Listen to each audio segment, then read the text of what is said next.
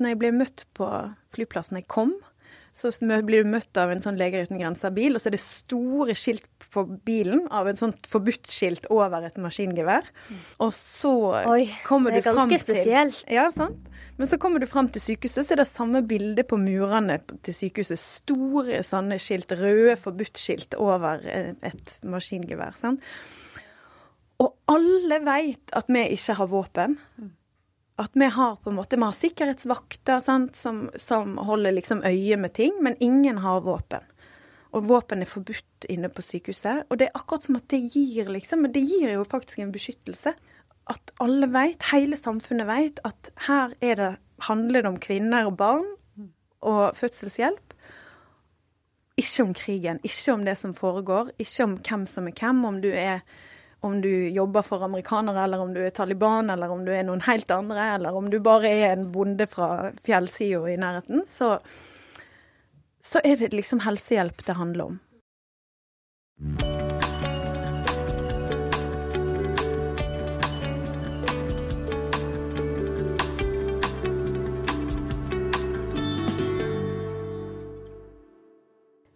Hjertelig velkommen til podkasten Leger om livet. Mitt navn er Anette. Jeg jobber som lege, og jeg laga denne podkasten for å gjøre god og nyttig kunnskap om kropp og sinn lett tilgjengelig for alle. I dag er jeg så heldig å ha med meg to dyktige kvinner.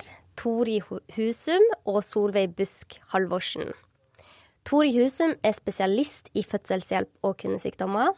Hun har jobba som frivillig i mange ulike land, som Libanon, Guatemala og Zanzibar. Hun har siden 2021 jobba for Leger uten grenser. Hun har vært ute på oppdrag i Kost i Afghanistan, og nylig kommet hjem fra Mosul i Irak. Hun Solveig Busk Kalvorsen har jobba i Leger uten grenser siden 2003. Hun har hatt mange ulike roller i organisasjonen hvor hun både har sittet i styret, HR og er nå mentor for andre ledere i Leger uten grenser, og leder for feltpersonell. Hun har også selv vært på oppdrag, som f.eks. i Indonesia etter tsunamien, Kashmir, Pakistan etter jordskjelv og Lesotho i forbindelse med et hiv-aids-prosjekt. Her var det masse ord som var vanskelig å si, altså. Dagens episode er gjort i samarbeid med Leger uten grenser, som er en nøytral, uavhengig og upartisk medisinsk hjelpeorganisasjon som redder liv og lindrer nød. De hjelper dem som trenger det mest, uansett hvem, uansett hvor, uansett hvorfor. Hjertelig velkommen, dere to. Tusen takk. Tusen takk. Hvordan har dere det i dag? Nå har jeg det veldig fint. Jeg hadde en røff start på morgenen, men nå um, sitter jeg her med dere og bare koser meg og kjenner at jeg er egentlig full av energi. Så dette skal bli gøy. Ja, så Ja, hyggelig. enig. Ja, jeg har stått opp veldig tidlig og reist fra Bergen. Så, da, så jeg var litt trøtt. Nå har jeg drukket masse kaffe og møtt dere, så nå er alt, eh, nå er alt veldig bra. Når sto du opp i morges? Kvart over fem. Å ja, det er tidlig. Og du forsov deg. To timer. Å, herre min. Ja da. Så, men uh, kaffen er på vei inn i kroppen nå, kjenner jeg. Og du var herfra? Nei. Ja, ganske bra. Ja. Ja, det er imponerende. Småbarnsmor. ja. Ja. Tori, du har nylig kommet fra et oppdrag i Mosul, Irak. Hvordan har du hatt det? Nei, hvordan skal man svare på det, da? Hvor lenge var du der? To måneder. Ja. Nei, jeg eh, har vel hatt det bra. Og ja, det er jo liksom tøft og vanskelig og sånn, men det er jo Det er jo bra. Vi gjør det jo fordi jeg har lyst til å gjøre det. Er det tøft? Ja, altså det er jo det er mye jobb. Eh, selv om nå var Irak et litt annerledes oppdrag enn det første oppdraget mitt i Afghanistan. I Afghanistan så var jeg, bodde jeg på sykehuset, og der var liksom jobben min å være eh, et sett med ekstra hender, altså fylle et gap, et mang en mangel på spesialister. Sånn at der var liksom, hadde jeg bare vakter og jobba og hadde vakt døgnet rundt og jobba i periodevis døgnet rundt. Selv om det òg var veldig fint. Men det var liksom slitsomt på én måte. Litt sånn søvnmangel og tra travle vakter og mye ansvar og sånn. Og så i Irak så var jeg mer en teamleder for, eh, for de gynekologene som kommer fra Irak, som jobber i prosjektet vårt. Så, så og en del yngre leger der som jeg var litt veileder for. Og, så jeg jobba jo litt i klinikken der òg, selvfølgelig, men da, det var liksom travelt og krevende på en litt annen måte enn i Afghanistan. Ja. Herre min, du må jo komme borti veldig mange vanskelige historier, og tragiske skjebner. Særlig etter eh, Mosul ble jo befridd fra IS i 2017. Eh, ser du mye av etterspillet fra det hos kvinnene du behandler? Det er vanskelig å vite. sant? Altså, De kvinnene som man får inn på sykehuset, det jo, dette her var jo en, et uh, fødeprosjekt. eller Mm. liksom, sant? Eh, min spesialitet er jo liksom delt inn i gynekologi, som er liksom kvinnehelse utenom eh, graviditet og fødsler, og så er det fødselshjelp. Eh, og disse, begge de to prosjektene jeg har vært på, er jo liksom med hovedfokus på fødselshjelp.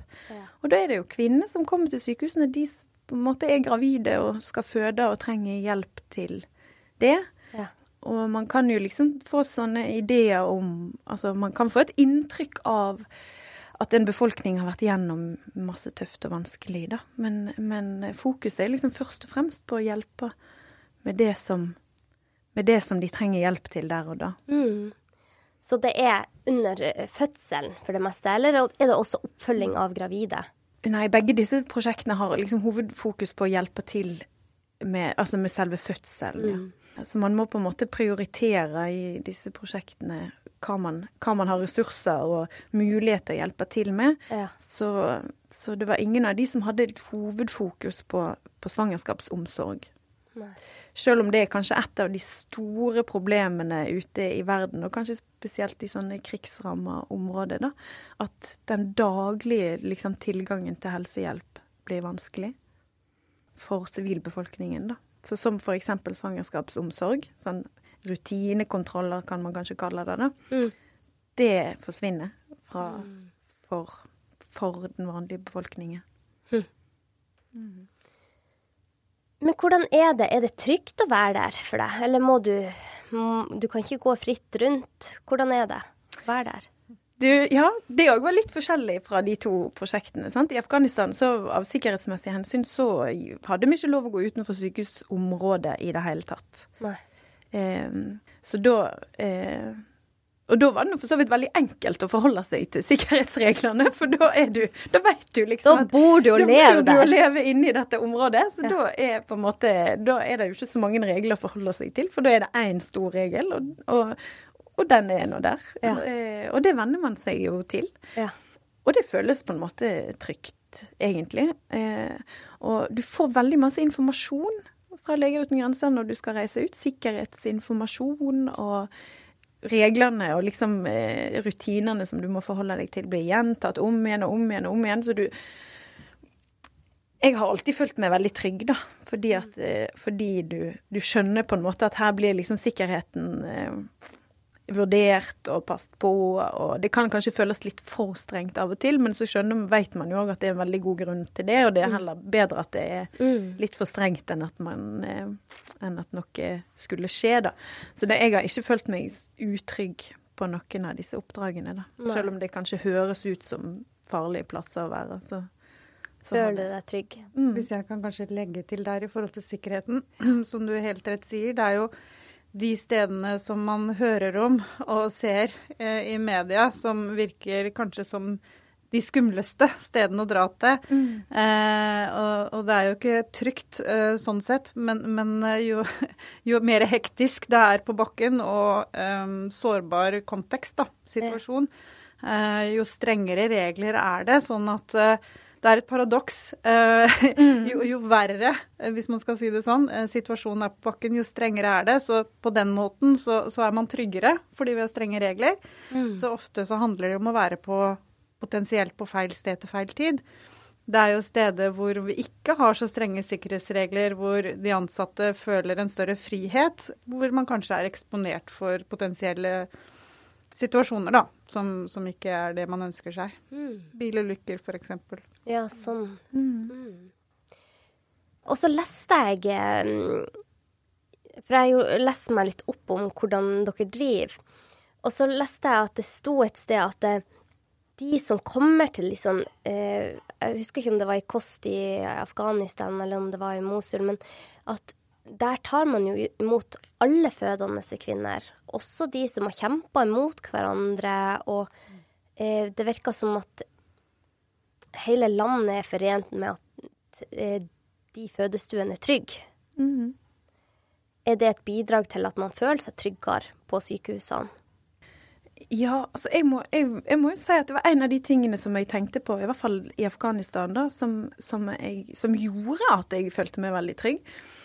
Det var jo liksom at sant, når jeg ble møtt på flyplassen jeg kom, så blir du møtt av en sånn Leger uten grenser-bil, og så er det store skilt på bilen av en sånn forbudt-skilt over et maskingevær.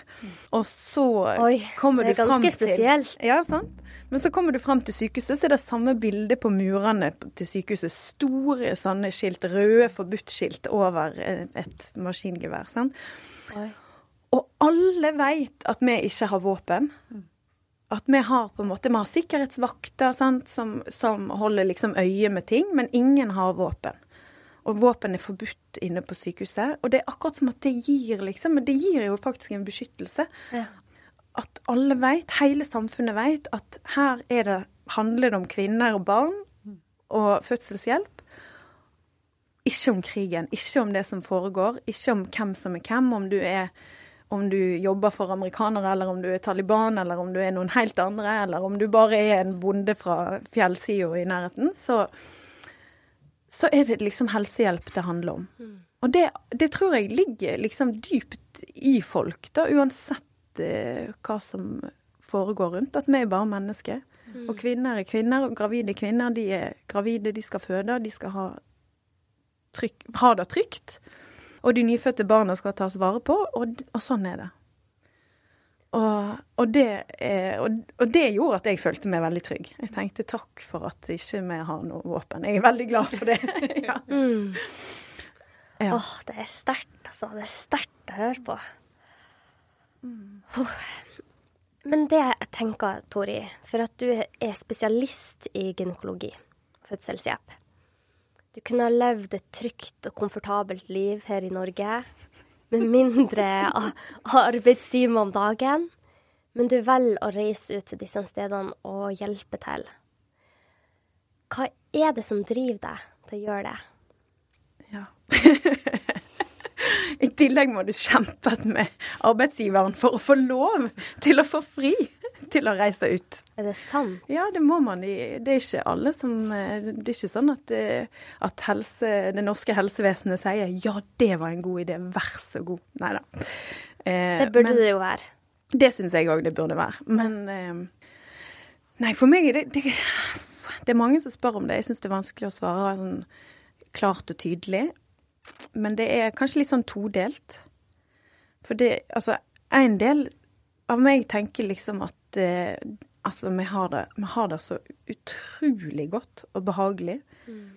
Og, og det Altså, jeg setter jo bare enormt pris på det. Så misforstå meg rett, jeg elsker å være hjemme og ha den friheten. Mm. Men jeg syns liksom at det, at, at det skulle bare mangle at vi gidder å bry oss og gidder å hjelpe til lite grann. For det, jeg er jo Mesteparten av livet mitt er jo her i Norge. Sant? Så det er jo liksom eh, Det er jo en mindre del av tiden jeg er ute i felt. Og, og, og så, så, så det er jo en del av det, liksom. At jeg tenker at vi bør Altså, vi, vi må bry oss og, og, og bidra. Og som lege så har du jo liksom eh, avlagt en ed på at du skal hjelpe og lindre nød og ikke gjøre skade. og Eh, og da er jo på en måte Leger uten grenser en organisasjon der du får lov til å gjøre det. Og så, men så må du jo på en måte altså Du må jo trives litt med å ha det litt ukomfortabelt, da. For å, for å orke å reise ut. Så en del av meg er jo liksom, har alltid vært litt sånn eventyrlysten og rastløs og eh, Ja, Ja. det ser jeg på CV-en din. Du har jo reist fra under studiet og Ja, sant. Så, så du må på en måte Du må jo like det. Eh, så det er jo helt greit at ikke det er noe for alle. Men, eh, men eh, jeg syns det er veldig, veldig givende og spennende. Og så får du møte det som jeg, som jeg kanskje ikke visste før jeg reiste ut første gangen, da, men som på en måte bare som etter to oppdrag blir enda mer tydelig, det at du får jo Altså, Leger uten grenser består jo Mesteparten av de ansatte er jo lokalt ansatte. sant? Mm. Så i Afghanistan så var vi jo ti utlendinger, kanskje, og så er det mange hundre afghanske jordmødre og renholdere og håndverkere og tusen, ja. sant? Over tusen. Som jobber der.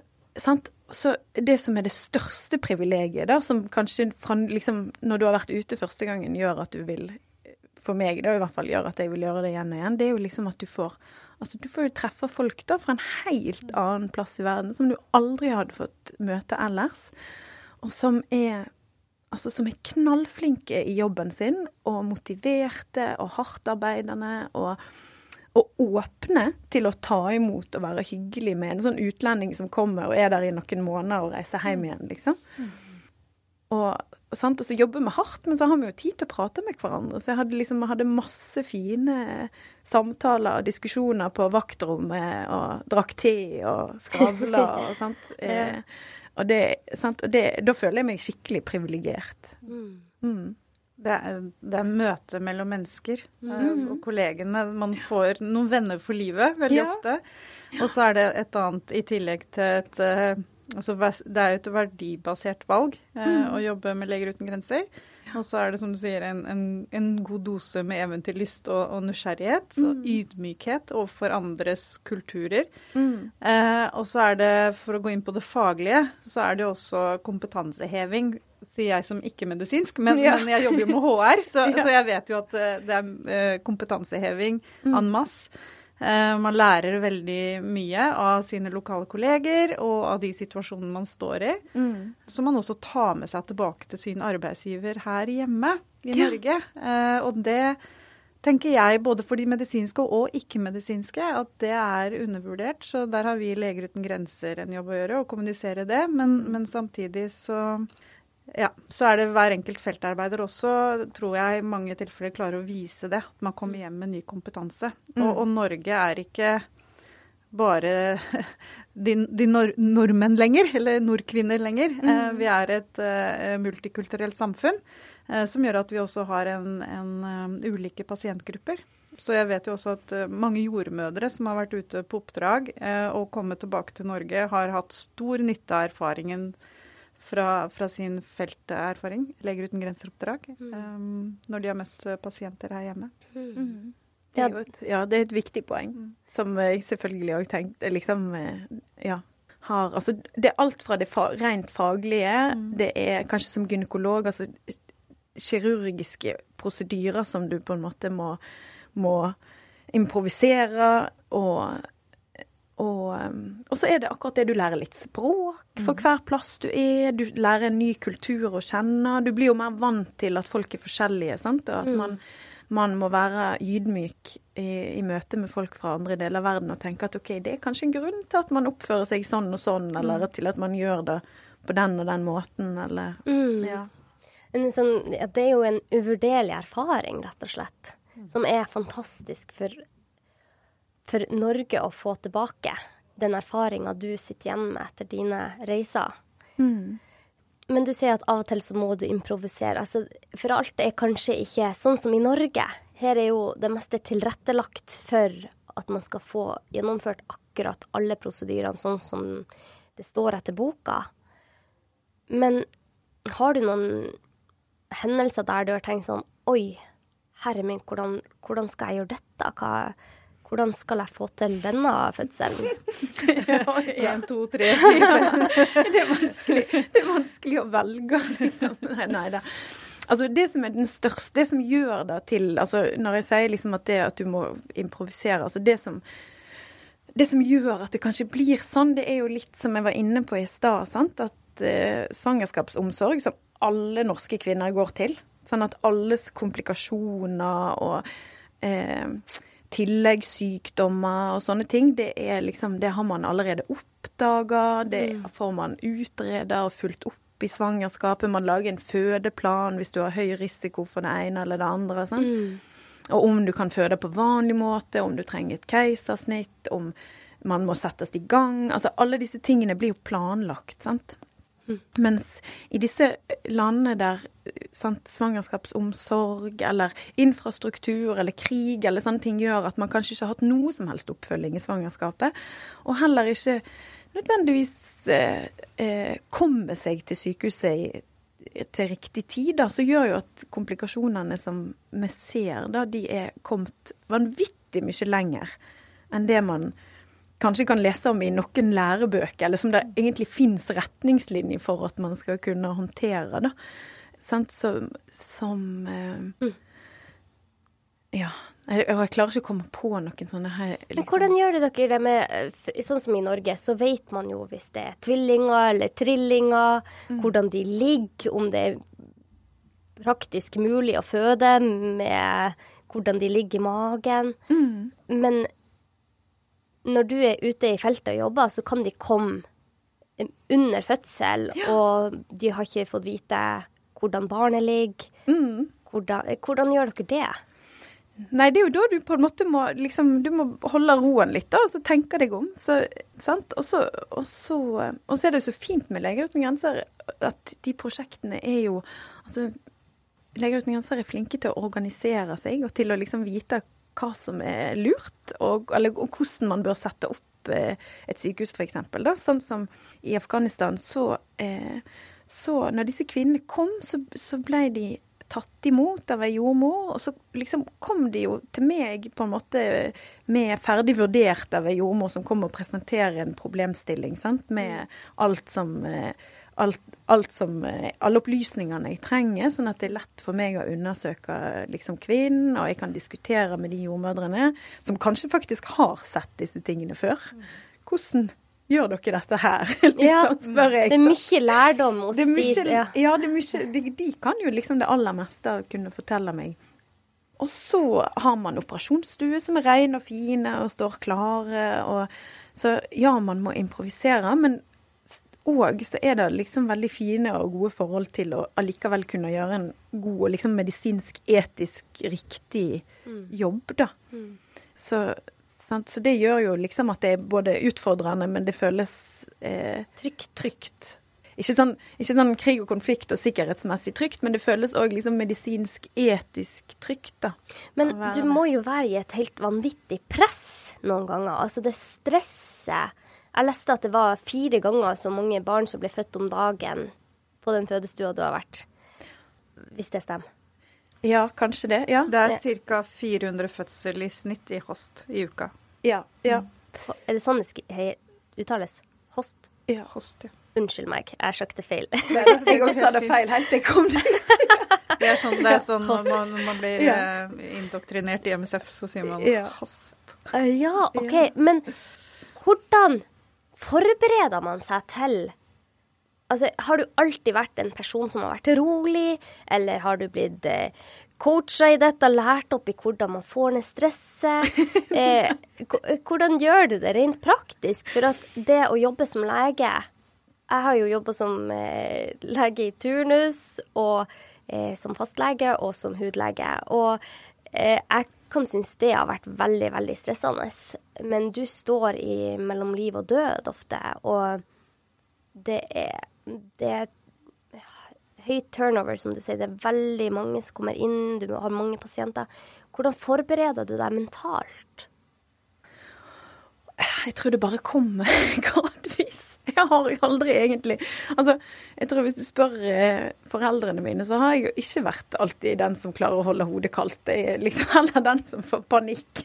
og, og, og pappa pleide å si sånn her nå, nå er du sånn krisemenneske, Tori. Å lage Det er ikke krise, slapp av. Nei da.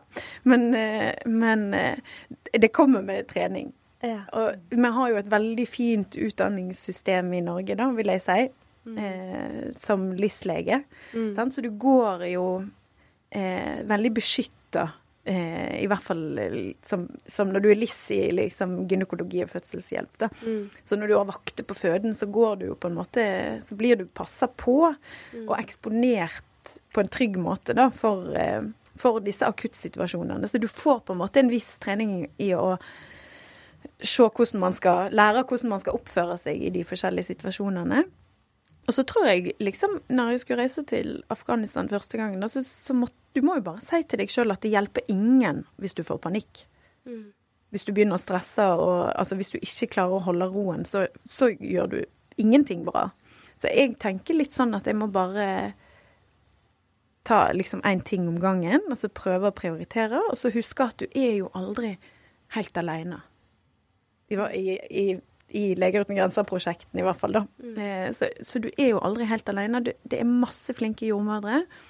Og, i, og du har eh, Som gynekolog i feltet, i hvert fall, så er du aldri sjef. Du er jo aldri prosjektsjefen. Sant? Sånn at du har jo folk over deg i systemet som du kan gi beskjed til. sant? Mm. Eh, og, og, du, har, ja, du har team rundt deg, og sånn, så du bare liksom husker å delegere. husker, det er jo det jeg prøver å si til meg sjøl, da. Men hvordan mm, For Solveig, du har jo òg vært ute i feltet. Mm.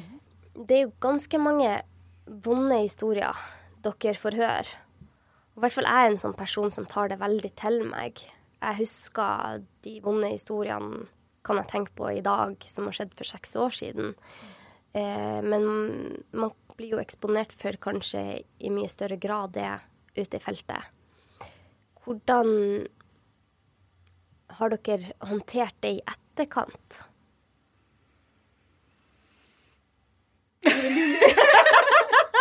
Eh, vi håndterer fortsatt, kanskje, ja, ja. svaret på det. Det er eh, Jeg har jo vært ute sjøl, eh, og så har jeg jobbet med feltarbeidere i jeg er ikke sikker på hvor mange år, men det er i hvert fall over ti år. Um, og vært en støtte der. Så vi griner mye. Eh, både eh, vi går for oss sjøl og griner, eller vi sitter sammen på kvelden og griner, eller eh, ja, finner en, en, god kollega og griner, eller vi blir sinte. Og kanskje ikke veldig rasjonelt, men det er en reaksjonsform. Sinte, det trigger mm. urettferdighetsknappen vår. Og så er det jo viktig å si at vi har jo, når vi er ute på kontrakt fra Norge, så har vi jo eh, en på kontoret til Leger uten grenser her i, i Norge som er din hovedkontakt eh, som er der, og som er trent, og som har kompetanse til å, å støtte. Eh, mm. så man kan alltid ringe hjem, for yeah. å si det sånn. I tillegg så har vi en psykolog som også eh, snakker med feltarbeiderne før man drar ut på oppdrag, eh, og underveis hvis det er behov, og også når man kommer hjem og får, eh, tør jeg påstå, særdeles god oppfølging av vår psykolog. Eh, sånn at vi har jo vi har mye på plass. Eh, men det er en del av pakka. Og så eh, Det vi prøver på eh, og Nå er ikke jeg psykolog heller, så jeg skal være forsiktig med, med hva jeg sier. Men det vi prøver på når ting er tøft, er å, å rett og slett bare Det er ikke bare å lytte. Og sånn at feltarbeideren kan få ventilert. Og så er det da veldig fint at vi sjøl som jobber i de rollene, også har egen felterfaring. Sånn at vi har kanskje større uh, potensial for å forstå da, hva feltarbeideren sitter i, i den grad det er mulig. Og så er det også å fokusere på enkeltmennesket. Mm. Og huske på enkeltmennesket. Så selv om uh, det kommer sikkert inn på det senere. Det er Toris erfaring fra Afghanistan. Men det er enkeltmenneske, enkeltmenneske, enkeltmenneske. Og da når man eh, ser at man har klart å være med på å hjelpe ett menneske til en bedre helsesituasjon, livskvalitet, så er det Hva skal jeg si for noe? Lønningsdag. Eh, det, det gjør en stor forskjell, da. Mm. Men det er ofte man ikke ser skogen for bare trær, eh, og det kan være tøft. Mm. Skal ikke legge skjul på det. Nei. Hvordan har du gjort det, Tori, når du kommer tilbake til Bergen og ser hvor godt vi har det her, og så tenker du på de historiene? Nei. Jo, for det første er jeg jo enig med deg, Solveig, at, at vi får veldig god støtte eh, fra liksom det norske kontor, Leger uten grenser-kontoret, da, mm. til å få ventilert og liksom hjelp til å prosessere det man har opplevd i felt. Men så jeg må si at jeg, egentlig så syns jeg liksom det har vært helt OK å komme hjem og jobbe i Norge òg. Altså, mm. Fødselshjelp er jo liksom Det ganske kan være ganske dramatisk på norske sykehus òg. Mm. Og og så tenker jeg liksom at vi skal ha respekt for eh, norske kvinners sitt perspektiv. Eh, sant? At, at norske kvinner ønsker seg eh, liksom er vant til en standard og har sine forutsetninger ut ifra det, det, det er helt greit. Altså, det er like viktig behandling hjemme som ute i felt. Og så er det veldig godt å vite at, eh, at man kan helt fint gi veldig trygg og god eh, fødselshjelp uten, eh, uten enerom og, og en del sånne ting. Men, men, men liksom at, at det er en del av pakken i Norge, det er helt greit for meg. Og, eh, og at norske pasienter er like viktig som afghanske pasienter. Men eh, den andre veien òg at afghanske eller irakiske eller eh, hvor som helst i verden kvinn, kvinner og fødende og pasienter generelt er like masse verdt som en norsk pasient. Mm. Eh, men det, jeg syns egentlig at det har gått ganske greit, da. Det jeg hører, er jo at det, er veldig sunn kultur. At man, det er rom for å gråte på vaktrommet, at det er rom for å bli sint. Altså, det er så viktig å kunne vise de følelsene, at de ikke blir undertrykt. For det kan jeg av og til merke her i Norge at det ikke er rom for. Jeg husker første gangen jeg hadde en pasient som døde framfor øynene mine. Da var jeg eh, medisinstudent, og jeg var ikke forberedt i det hele tatt. Jeg var andre år på medisinstudiet, jeg var ikke kommet godt i gang engang. Og så dør det en mann som jeg hadde omsorg for en hel sommer, og jeg var blitt så glad i han. Og jeg begynner å gråte. Går på gangen og begynner å gråte. Og syns dette var skikkelig, skikkelig tøft. Og da er det ei som en som jobba der på sykehuset, som rusha meg inn på vaktrommet og sa du skal ikke vise følelser. Du skal ikke vise følelser for pårørende. Og det var en sånn Den der um, hendelsen har satt så støkk i meg. For jeg tenker at de pårørende hadde bare blitt glad for å se at en som jobba der, var blitt så glad i deres eh, kjære far. Så det Dette er ikke standard i Norge, da. Det ble, det ble håndtert på en dårlig måte, ser jeg i ettertid. Men av og til kan jeg føle at som lege så, så bør jeg skjule følelsene mine, og jeg tror ikke det er bra. Særlig for oss som har Sånn som jeg har jo følelsene utpå. Jeg kjenner de, jeg kjenner mine pasienters følelser. Og jeg har aldri opplevd det som negativt at jeg har vist de. Hva dere syns om det? Du har helt rett. Det er min soleklare mening om det. For jeg òg er samme type sant, som alltid har hatt følelsene utenpå. Det er helt, um, altså, det er helt åpenbart hva humør jeg er i til enhver tid. Det er veldig, veldig dårlig på Jeg har blitt litt flinkere med årene, men jeg er veldig dårlig på å skjule hva jeg mener og syns. Og jeg har fått høre det samme. Altså, og jeg har jo jobba hele min karriere i, sånn, i kirurgifag. Kirurgi og gynekologi og fødselshjelp, og det er litt sånn hardt. eh, Sant? Og det er, ja, sånn som du sa, det er litt sånn liv og død, og her skal du være tøff og robust for å klare det. Og, så har, og, så, og jeg har vist følelser, og jeg har grått av glede på fødestuer eh, med pasientene. Og det, jeg, jeg syns det er helt fint. Ja. Jeg har aldri opplevd at noen har eh, Altså at det er uprofesjonelt, på en Nei, måte. nei. Sant? Og, det, og det å liksom vise at du Når du står sammen med pårørende, f.eks. I, et, i, et døds, i en dødsfallsetting, og vise at du føler med dem, det, det er jo en del av det vi skal gjøre. Og det er jo Altså, der er på en måte Og på en måte så er det litt det vi lærer deg i teorien på studiet, sant. At du skal ha lov å vise empati, og du skal ta vare på, på pasientene dine. sant? Mens våre eldre kollegaer liksom ute i virkeligheten klarer ikke alltid å liksom eh, eh, Eller har ikke alltid den samme ideen, da. Mm. Men Men, eh, men Det er en så viktig ventilasjon, da. det er da. For at det gjør at man klarer å håndtere det, og kanskje, om ikke blir ferdig med det, at man ikke ser på det som en vond hendelse resten av livet. At man har fått ventilert og snakka ut, det er så viktig. eh, men jeg er kjempeglad for å høre at dere har det sånn. Ja. det må være eh, en utrolig Altså den erfaringa med å reise ut sånn og få det samholdet og, og, um, og de opplevelsene, det gjør jo noe med en. Man blir jo endra, vil jeg tro. Utvikler seg. Mm. Det er, eh, det er mange sterke inntrykk. og og det vises absolutt følelser i hele skalaen, mm. eh, og langt utover den antageligvis. Og så er det jo også noen steder forhold til pasientsituasjon, da, så er det jo noen uh, steder hvor vi jobber hvor det man kanskje må kontrollere følelsene uh, foran pasient og pårørende, fordi det kulturelt sett uh, vil ikke passe. Mm. Så det, det, er mange hensyn å ta, men, men innad, innad i, altså blant de ansatte mm. så er det jo forventninger om at man skal ha en, en kultur hvor man kan uttrykke, uttrykke følelsene sine, da. Mm. mm. Ja. Mm. ja. Så det er, ikke, det er ikke, unaturlig at, man, at det er snørr og tårer og tenners gnissel ja, ja. på bakken. Nei. Og, og, nei. og det syns jeg liksom vi skal ha lov til. Og, altså, den kulturen syns jeg vi burde hatt mer av i det norske mm. helsevesenet òg. Mm. Generelt tenker jeg det er mye det norske helsevesenet kunne lært av Leger uten grenser. jeg er glad det var du som sa det, Tore. Men jeg er helt enig, selvfølgelig. Å, herre min. Um, eh, Tore, jeg leste en veldig sterk eh, artikkel om deg, eh, der du fortalte om en hendelse i Afghanistan.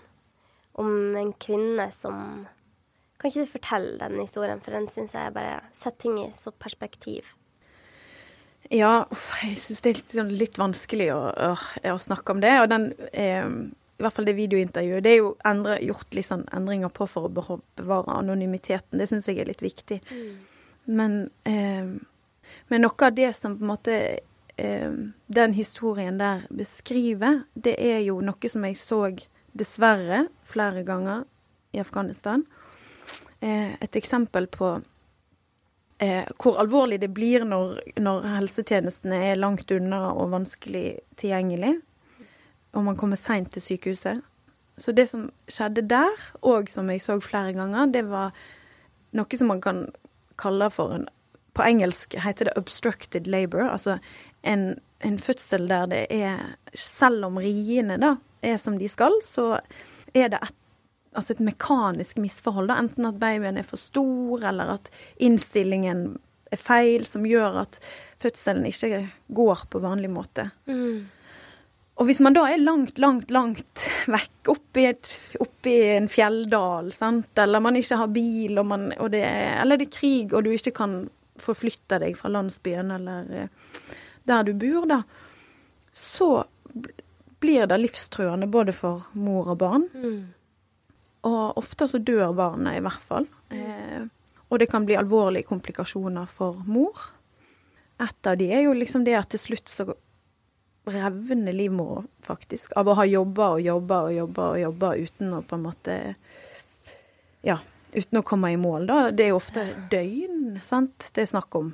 Eh, og kanskje i noen, noen tilfeller så fins det det som heter sånn kloke koner, eller eh, tradisjonelle fødselshjelpere som prøver så godt de kan, uten at det alltid er best, da. Men i, i beste mening, men, men at det uten at det helt blir til det beste for pasienten, da. Mm. Og, sant, og, det man kanskje ser i felt, det er, enten det er i Afghanistan eller andre plasser i verden, det, det er jo ofte sånne, sånne situasjoner eller pasienthistorier der ting bare har gått altfor langt. Og du på en måte må prøve som lege da å rydde opp i liksom det som allerede er, er blitt en en medisinsk katastrofe. Det er kanskje litt feil ord, men liksom eh, Ja. Alt, alt er allerede kjempevanskelig og vondt og trist og eh, Så blir det desto mer givende da når du klarer å få den pasienten til å overleve mm. dette her som virkelig på en måte setter livet i fare, da. Mm. Mm. Store kontraster. Ja. ja. Dette her er jo noe som på en måte du aldri ville sett i Norge. Sant? Fordi at det er ingen Altså, vi, vi har jo lange reiseveier i Norge òg, men, men, det er ingen som på en måte ville liksom ikke kommet fram til sykehuset på flere døgn. Um, men sånn som den historien du fortalte da, hun, hun, den kvinnen overlevde jo, mm. men barnet døde. Mm. Fordi at det, hadde, det var ikke mulig for henne å føde det barnet. Mm. Det hadde ikke åpna seg. Nei, eller åpna seg hadde det, men barnet Det vet jeg ikke. Noen ganger er barnet for stort for bekkenet, og noen ganger så kan barnet ligge i en posisjon som bare gjør at det ikke kommer, kommer seg ut uten å gjøre et keisersnitt. Mm. På tvers eller på Ja. Hvordan gikk det med den kvinnen? Hvordan, hvordan viderebringer man den beskjeden til en kvinne? Visste hun at barnet var dødt når hun kom inn, eller? Eh, og det husker jeg ikke helt. Eh, og det Man må på en måte være ærlig, da. Og, og man, det er jo mye man kan med kroppsspråk og liksom eh, måten man forteller noe på, viser at, sant, eh, at du òg som helsepersonell er klar over at det er en trist beskjed å få. Um, på mange måter så tror jeg jo kanskje at akkurat den pasienten var klar over sant, at, at når du har vært i fødsel så lenge og kjempa, og du sjøl er liksom på kanten av å klare mer, så forstår du kanskje at det ikke går bra med det barnet i magen òg. Men en annen ting som òg ennå igjen er pga. Disse, disse manglende oppfølgingen i svangerskapet, var at de så veldig mange kvinner som kom inn ikke hadde kjent liv, sant, som hadde det som man på medisinspråket kaller intrauterin fosterdød, eh, men at barnet dør inne i magen. Så det hadde vi veldig mange pasienter med. Og det, det er jo sånt som av og til skjer i Norge òg, faktisk, men, men eh, det skjer jo oftere hvis man ikke har hvis man har andre sykdommer eller sant, eh, ting som ikke blir fulgt opp på riktig måte, som gjør at man har At barnet At det er en fare for det uansett. Da. Eh, så da må man jo måtte gi den beskjeden. Og alle kvinner overalt i hele verden syns det er en forferdelig beskjed å få. Og det blir man aldri. Du, du venner deg aldri til å måtte fortelle noen at, at eh, barnet i magen din er dødt. Det er ikke Det blir man Det er like grusomt uh, uansett hvor man sitter i verden, da. Mm. Ja. Ja, det er noen skjebner. Mm. Ja. Det jeg kjenner uh, her, er da at du sier, Tori, at um, du har vært borti mye, og at eh, du er ikke en sånn person som alltid har vært rolig og avbalansert til enhver tid. Men jeg kjenner jo at du er en robust person. Du tåler å stå i veldig vanskelige situasjoner. Og da blir jeg jo litt nysgjerrig hvordan man velger ut leger til å reise til utlandet. For det er jo ikke for alle. Det, det skjønner jeg jo på, sånn som du snakka, Tori, at dette er ikke for alle. Og det må man bare være ærlig om. Hvordan, hvordan går den prosessen der man velger ut de som er rusta til å reise til utlandet og være ute i feltet? Alle søknadene vi mottar, eh, blir vurdert én og én. Og da ser vi først på utdannelse og arbeidserfaring, blant Eh, og er det da en relevant søknad, betyr det at vi har behov for den type yrkesgruppe og erfaring ute i våre prosjekter, så går vi videre. Og da for bl.a. de medisinske, altså leger og spesialister, så vil vi gjøre en vurdering ut fra faglig ekspertise. eh, Og se om det når opp til det nivået som vi har satt som krav. Og hvis de da fortsatt eh, er med eh, og er eh, på shortlist, som vi kaller det, så vil man da bli intervjua. Og det er i form av en full dag på kontoret vårt. Det er flere kandidater inne som må gjennom ulike øvelser. Nå smiler Tori og husker det godt, antakeligvis. Hvor man da blir observert. Og så er det viktig å ha en åpen dialog med den enkelte. Ikke legge skjul på utfordringer man kan møte. eh, og prøve å kartlegge så mye som mulig da, i den prosessen. Blir man eh, raskt en god menneskekjenner i jobben din, Solveig? Ja, nå skal jeg være skikkelig forsiktig og ydmyk. Så det, det, eh, men på den andre siden Så når man har holdt på med dette her i noen år, så så er det jo en del erfaring. Så magefølelsen er nyttig.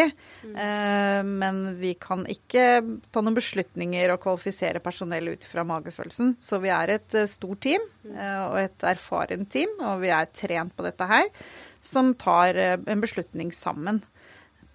Men man får jo en liten hunch. Men den kan overraske av og til. Det kan absolutt. Ja. Ja, så det er en stor prosess det er det. man må igjennom. Mm.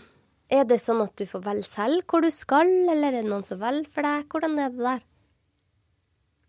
Nei, det er vel litt begge deler, på en måte. Mm. mm. Det er eh, Pasientene bestemmer hvem som drar hvor. Eh, hva er det medisinske behovet? OK, mm. da trenger vi en gynekolog med spesialisering innenfor fødselshjelp. Greit, da har vi Tori. Eh, er Tori tilgjengelig på det tidspunktet hvor det er en turnover i den stillingen? Mm. Ja, det er hun faktisk. OK, Tori. Eh, mm. Vi trenger en, en, kollega med kompetanse som deg i eh, dette landet, i dette prosjektet, fra dato til dato, sånn mm. cirka. Mm. er dette noe du kan være interessert i? Og så er det mye informasjonsutveksling, som Tori nevnte innledningsvis. Um, mye praktiske forberedelser også, eh, og ting å sjekke ut. Eh, og så hvis hun da sier ja, dette er jeg interessert i, dette er jeg klar for, OK, da, da setter vi i gang mølla eh, og, og, sender henne ut på oppdrag. Men vi sender aldri ut noen til et sted man ikke ønsker. Det er 100% Toris og andre feltarbeiders beslutning om de drar eller ikke. Det er mye risiko, så um, den, den, beslutningen må man eie selv. Mm. Uh, men det ganske, kan være en ganske lang eh, dialog, diskusjon. Uh, mye fram og tilbake. Det er, uh, vi jobber jo på steder hvor situasjonen kan endre seg veldig fort. Fra, fra, noen ganger fra time til time, andre ganger fra dag til dag. Sånn at man har mye informasjon, men det er alltid en gråsone. Det er også noe man ikke vet. Så det er jo også viktig at den som skal ut på oppdrag, også er en som kan takle, og mm. ikke vite alt eh, før man drar ut. For dere er i mange land, men når det skjer sånne akutte kriser, sånn som bl.a. den krigen i Ukraina nå, mm. det skjedde jo veldig raskt. Det var ikke så mange som var forberedt på at det skulle skje. Hvordan håndterer dere det? Er dere ute i feltet også under sånne akutte situasjoner? Ja. Um, det er der vi er.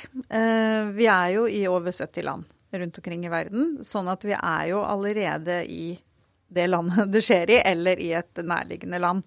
Så vi er veldig raskt på plass. Og så handler det jo da om å omstrukturere de medisinske aktivitetene eh, til det som er behov for. Eh, og i Ukraina har vi jo vært i mange år. Eh, sånn at eh, når situasjonen endra seg nå, så var det å omdirigere aktivitetene til det det var behov for. Mm. Vi har mange lokalt ansatte allerede i Ukraina, så, og de fortsetter å jobbe for oss. og Det er imponerende. Eh, mm. Er jo, de er jo derfra eh, og har familie der òg, men de står på. Og så I tillegg så har vi også internasjonalt feltpersonell. Og de som er der, eh, og som har vært der eh, i forbindelse med konflikten nå i år, er erfarne feltarbeidere. Fordi, som du sier, det endrer seg veldig raskt. Det endrer seg fra kanskje time, fra time til time, eller i hvert fall fra dag til dag. Mm. Sånn at det er veldig viktig at man har erfaring med å jobbe i Leger uten grenser. Man vet hvordan organisasjonen fungerer. Eh, man er trygg på seg selv og sin egen rolle så langt som mulig. Sånn at når man kommer på bakken, så, og du finner ut at her må vi hva, må, hva må vi gjøre, eller blir fortalt at vi trenger at du prioriterer å fokusere på oppgave A, så, så gjør du det. Ja. Eh, det er enormt behov for fleksibilitet, eh, og at du kan stå i det. Eh, og at du vet at sammen som team så kan man få til noe. Alene så, så, er det ikke noe nytte for meg. Så man, man er et team, da. Mm. Hm. Litt av en, eh, et puslespill. Det er det. Mm. Mm. Og, og, vi er mennesker. Eh, og vi pleier også å si det til eh, de vi sender ut på oppdrag, og spesielt første oppdrag, er jo det at her hjemme i Norge så, så har du dine måter, dine go to i forhold til f.eks. For stresshåndtering. Eh, og hvis du er overarbeida, OK. Noen tar seg en joggetur, noen spiller litt på gitar, noen leser en bok osv. Og mange av de tingene kan du også gjøre når du er ute på oppdrag. Eh, men i Ukraina, i enkelte områder hvor vi jobber, så drar du ikke ut på joggetur hvis du er stressa. Så man må finne nye mekanismer for å håndtere stress, f.eks. Mm. Også sånn som i Hosta i Afghanistan, og Tori var der. Det er heller ikke joggetur mulig, eh, av flere årsaker. Mm. du, du, tar ikke på deg trange tights og løper rundt i Host i Afghanistan. Eh, det gjør du ikke. Hva gjør du da? Hva gjør du, Tori, for å, å roe ned, da? Nei, jeg er jo en av de som er veldig avhengig av denne løpeturen, da. Men eh, eh, altså jeg har, eh, jeg har, litt sånn utstyr som du kan pakke med deg i sekken. Hoppetau og eh, yogamatte og sånne småting. Sånn at du liksom kan få ut litt eh, få eh, ut litt sånn fysisk eh, frustrasjon, da, selv om du kanskje bare har lite, en liten gulvplass tilgjengelig. da. Ja. I Afghanistan så var, hadde vi faktisk et treningsrom. I noen av de liksom litt etablerte eh, prosjektene der man eh, har liksom hatt muligheten til å, å, å bygge opp eh, litt sånn aktiviteter til eh, i, i, der, i boligkvarteret, da, eller der man liksom eh, bor, mm. så er det jo som regel et lite treningsrom. Sikkert litt for å ta vare på folk sine Det er mental helse, mental er det ikke det? Det er ja. dere som er leger. Men, ja, eh, ja, sant. Mm. Eh, så der var det jo det. Så der var det faktisk ei tredemølle som man kunne gå på og jogge litt på. Ei romaskin. Det er sånt som jeg aldri har drevet med. Og her i Norge er jeg ikke med i noe treningsstudio og syns det er helt forferdelig egentlig å løpe på tredemølle. Eh, men, eh, men, der så funker det veldig bra. Du blir, vant, du blir jo veldig vant til liksom hva, som, hva, du kan gjøre og ikke gjøre. Så, så, det å ha med seg et hoppetau i sekken, f.eks., er veldig, veldig bra. Vi hadde i Indonesia etter tsunamien i 2004, så det, da var det ikke noe treningsrom. Eh, men likevel så hadde jo eh, folk behov for å få ut energi. Og da var det faktisk en av legene våre som Han fant to malingsspann og fylte de med sement. Og så satte han på en jernstang, og så plutselig så sto han og løfta vekter. Så ja. kreativitet uten grenser. Ja, kreativitet uten grenser. Vannflaske, eller flaske fylt med vann, ja. sant. Så kan det, du løfte på. Og Det er mye yoga. Og mye, veldig mange som driver med yoga, ja. ja spennende. Det er veldig artig å høre hvordan dere driver. Mm. Det har vært utrolig hyggelig å ha dere to inne i studio. Eh, og jeg er veldig takknemlig for at dere deler så raust av deres erfaring og kunnskap. For vi som ikke har jobba innenfor Leger uten grenser, vi vet jo ikke helt hvordan hverdagen er, hvordan det drives.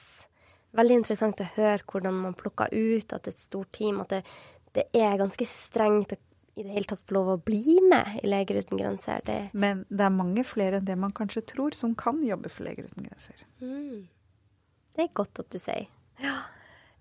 Og så syns jeg det var veldig fint å få bli kjent med dere, og jeg er veldig glad og takknemlig for at dere gjør den jobben dere gjør. Det er krevende, men dere står i det, og ja. Det er takk på vegne av eh, oss andre her.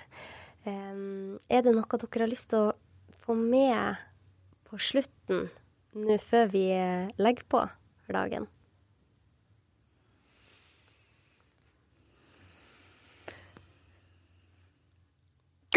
Ja. Hva skal jeg um, Færre dør når flere vet. Mm. Mm. Vi er uh, vi er mennesker alle sammen. Mm. Mm. Og kanskje det eh, Boktittelen til Lindris eh, som heter 'Det fins ingen de andre, det er bare oss', mm. syns jeg òg er veldig fin. Mm. For det er faktisk sånn det er verden. Vi er full av mennesker, og vi er verdt like masse uansett hvor vi kommer fra. Mm. Og medisinsk hjelp, eller tilgang til helsehjelp, den er like viktig uansett hvor du kommer fra. Mm. Så Og det bidrar Leger uten grenser med. Mm. Virkelig. Hvis man vil høre mer om historier fra ute i feltet, så har hun Benedikte Sørum laga en podkast som heter 'Leger uten grenser det du ikke vet', som er en veldig fin podkast. Er det noe sted mine lyttere kan nå dere hvis de har noen spørsmål? Ja, I forhold til det å jobbe som feltarbeider, så eh, tenker jeg at man kan følge Leger uten grenser på Facebook. Instagram. Eh, der legger vi ut informasjon om informasjonsmøter som vi har jevnlig. Mm. Um, I tillegg gå inn på hjemmesiden vår, legerutengrenser.no. Mm. Uh, der står det også uh, mye informasjon om feltarbeid, og der vil det også være en uh, kontaktinformasjon til rekruttering. Og der kan man sende mail med de spørsmålene man måtte ha. Og hvis man skal ha tak i meg, så kan man ringe til sentralbordet til Leger uten grenser og spørre etter meg. Det er supert. Solveig Buss Kalvorsen kan man eh, spørre etter da. Tori, du har kanskje ikke en åpen Instagram-profil, som mange av mine eh, gjester ikke har. Ja. Det jeg skulle bare si at det som er litt morsomt med podkasten min, er at jeg har utrolig mye medisinstudenter som lytter på. Og det er så morsomt når jeg kan se på, på eh, den sida der jeg ser hvor lytterne mine er ifra, så har jeg enormt masse lyttere som bor i Polen, i Praha, i Ungarn, og der er det jo veldig mye medisinstudenter. Mm. Så jeg tenker, jeg vet jo ikke hva de gjør der, men det er jo mange, mange hundre der som hører på i, i uka. Så det syns jeg er veldig artig. For at vi har jo, det er jo norske medisinstudenter rundt om i hele verden. Mm. Eh, og kanskje noen av, de blir, noen av dere som hører på, blir inspirert til å være med. Med det så sier jeg takk for i dag. Tusen takk for at dere tok dere tid. Takk for at vi fikk komme. Ja, tusen takk for at vi fikk komme. Og hvis dere har noen spørsmål til meg eller episoden, så kan dere bare skrive under eh, innlegget på Instagram eller Facebook. Og hvis dere tenker at denne episoden var til nytte for noen, så send den til de. Denne episoden er jo laga i samarbeid med Leger uten grenser fordi at jeg ønsker å formidle om akkurat det dere snakker om, Tori og Solveig. Vi er alle ett. Og eh, det å hjelpe der vi kan, om det er i bygda der du bor, eller reise ut til eh, Afghanistan, så hvis vi hjelper hverandre, så blir denne verden bedre. Og med det så sier jeg takk for oss i dag. Ha det godt.